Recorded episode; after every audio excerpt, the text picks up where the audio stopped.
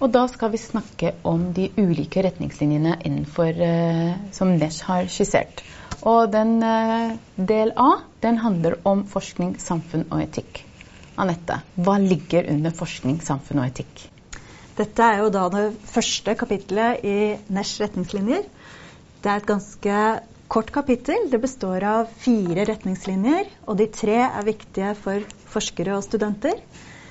Her er de grunnleggende verdiene og normene, og jeg anbefaler alle egentlig å bruke den lille tiden det tar å lese gjennom de tre normene. Um, første, den første normen er jo, første retningslinjen gir jo de viktigste normene. Dette med sannhetssøken, originalitet, åpenhet og etterprøvbarhet. Ja, Men hva er da sannhetssøken, da? Hva er det vi snakker om når vi snakker om sannhetssøk? Sannhetssøken er jo det man gjør når man forsker. Man skal prøve å finne fram til en objektiv, mest mulig objektiv sannhet.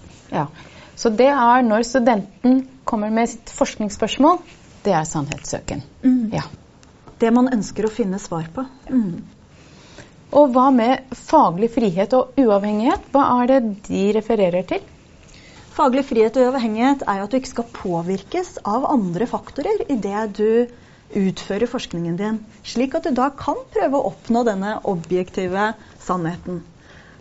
Og faglig frihet og uavhengighet, da har man, man snakker jo om akademisk frihet, om forskningens frihet. Ja. Og at arbeidsgiver eller interessenter, hvis du er ansatt på en skole eller skal forske på en skole, at ikke skoleledelsen går inn og skal påvirke forskningsprosjektet ditt. Ja, og påvirke svarene dine, ikke sant? eller konklusjonene dine. Mm. Men også det med, sånn som dere skisserer i retningslinjen, da, det med etterprøvbarhet, den er jo veldig viktig at, altså, at man har en gjennomsiktig forskningsmetode.